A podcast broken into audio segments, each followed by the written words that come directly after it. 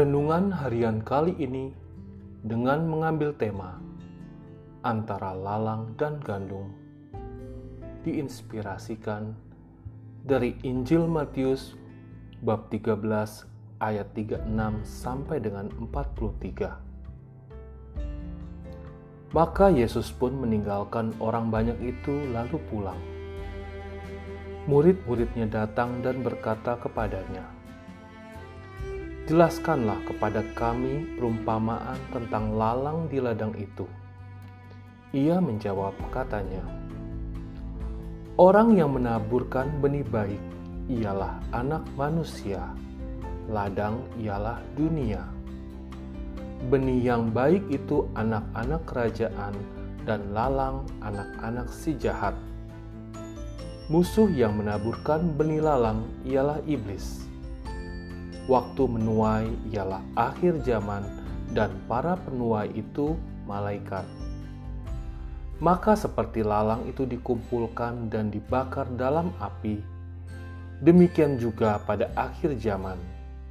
Anak manusia akan menyuruh malaikat-malaikatnya dan mereka akan mengumpulkan segala sesuatu yang menyesatkan dan semua orang yang melakukan kejahatan dari dalam kerajaannya.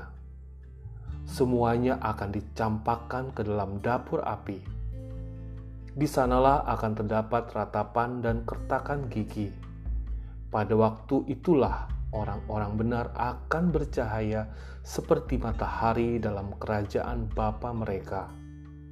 Siapa bertelinga, hendaklah ia mendengar. Demikianlah Injil Tuhan. Terpujilah Kristus. Bacaan Injil hari ini merupakan penjelasan dari perumpamaan tentang lalang yang tumbuh di antara gandum. Lihat di Matius bab 13 ayat 24 sampai 29. Perumpamaan ini ternyata merupakan suatu alegori di mana ladang melambangkan dunia, sang penabur melambangkan anak manusia penabur yang jahat melambangkan iblis, gandum melambangkan anak-anak kerajaan, dan lalang melambangkan anak-anak si jahat. Dengan ini tergambar kehidupan di dunia di mana kebaikan tumbuh bersama dengan kejahatan.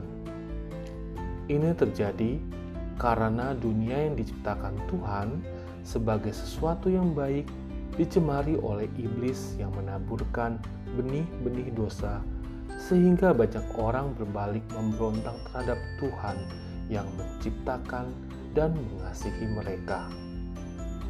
Melihat itu, apakah Tuhan diam saja? Tentu saja tidak. Ia membiarkan lalang tumbuh di antara ladang gandum bukan karena tidak peduli, tetapi agar tanaman pengganggu itu terlebih dahulu menjadi jelas, sehingga kemudian dapat sungguh dibedakan antara gandum dan lalang. Pada akhirnya, gandum akan dituai, sedangkan lalang akan dikumpulkan dan dibakar dalam api. Ini kelak akan menjadi tugas para malaikat pada saat akhir zaman.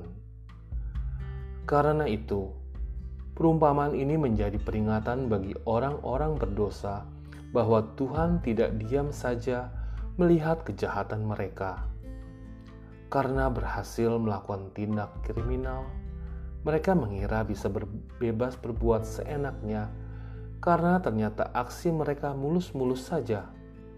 Namun, Tuhan sesungguhnya menyaksikan itu semua sebab tidak ada yang tersembunyi darinya. Pada saatnya, mereka akan dimintai pertanggungjawaban olehnya. Lebih lagi, tidak berarti keadilan Tuhan harus menunggu datangnya akhir zaman.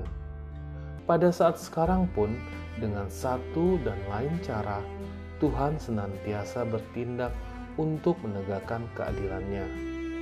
Jadi, bertobatlah sebelum berterlambat. Perumpamaan ini juga menjadi peringatan bagi orang-orang benar untuk senantiasa berpegang pada kebenaran yang selama ini mereka yakini. kehidupan nyata lebih kompleks dari sekadar perumpamaan, di mana di dunia ini lalang dapat berubah menjadi gandum, dan sebaliknya, gandum pun dapat berubah menjadi lalang. Yang pertama perlu disyukuri, tetapi yang kedua tentu saja harus dihindari. Hendaknya orang-orang benar senantiasa berjalan di jalan Tuhan yang lurus.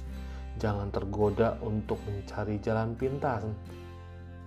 Jangan berbelok ketika melihat kehidupan orang berdosa yang sekilas menyenangkan. Meskipun hal itu tidak mudah, yakinlah bahwa Tuhan selalu menyertai dan memampukan. Yakinlah pula bahwa perjuangan ini akan membuahkan hal-hal yang baik. Semangat untuk menjadi pribadi yang baik, benar, dan adil perlu dikobarkan dalam diri setiap orang jika banyak orang menjadi pribadi-pribadi yang demikian, niscaya dunia ini sungguh-sungguh menjadi ladang gandum yang aman dan nyaman untuk ditinggali bersama. Namun, bayangkan jika dunia ternyata didominasi oleh orang-orang jahat, sementara orang-orang baik menjadi minoritas belaka. Sungguh-sungguh dunia menjadi ladang yang terlalu menyedihkan untuk ditinggali sebab penuh dengan lalang, semak duri, dan ular. Jadi, panjang umur orang-orang baik dan segala sesuatu yang baik di muka bumi. Tulisan renungan hari ini ditulis oleh Bapak Jarod Hadianto, Unit Naskah dan Penerbitan Lembaga Belibika Indonesia. Terima kasih sudah mendengar. Tuhan memberkati.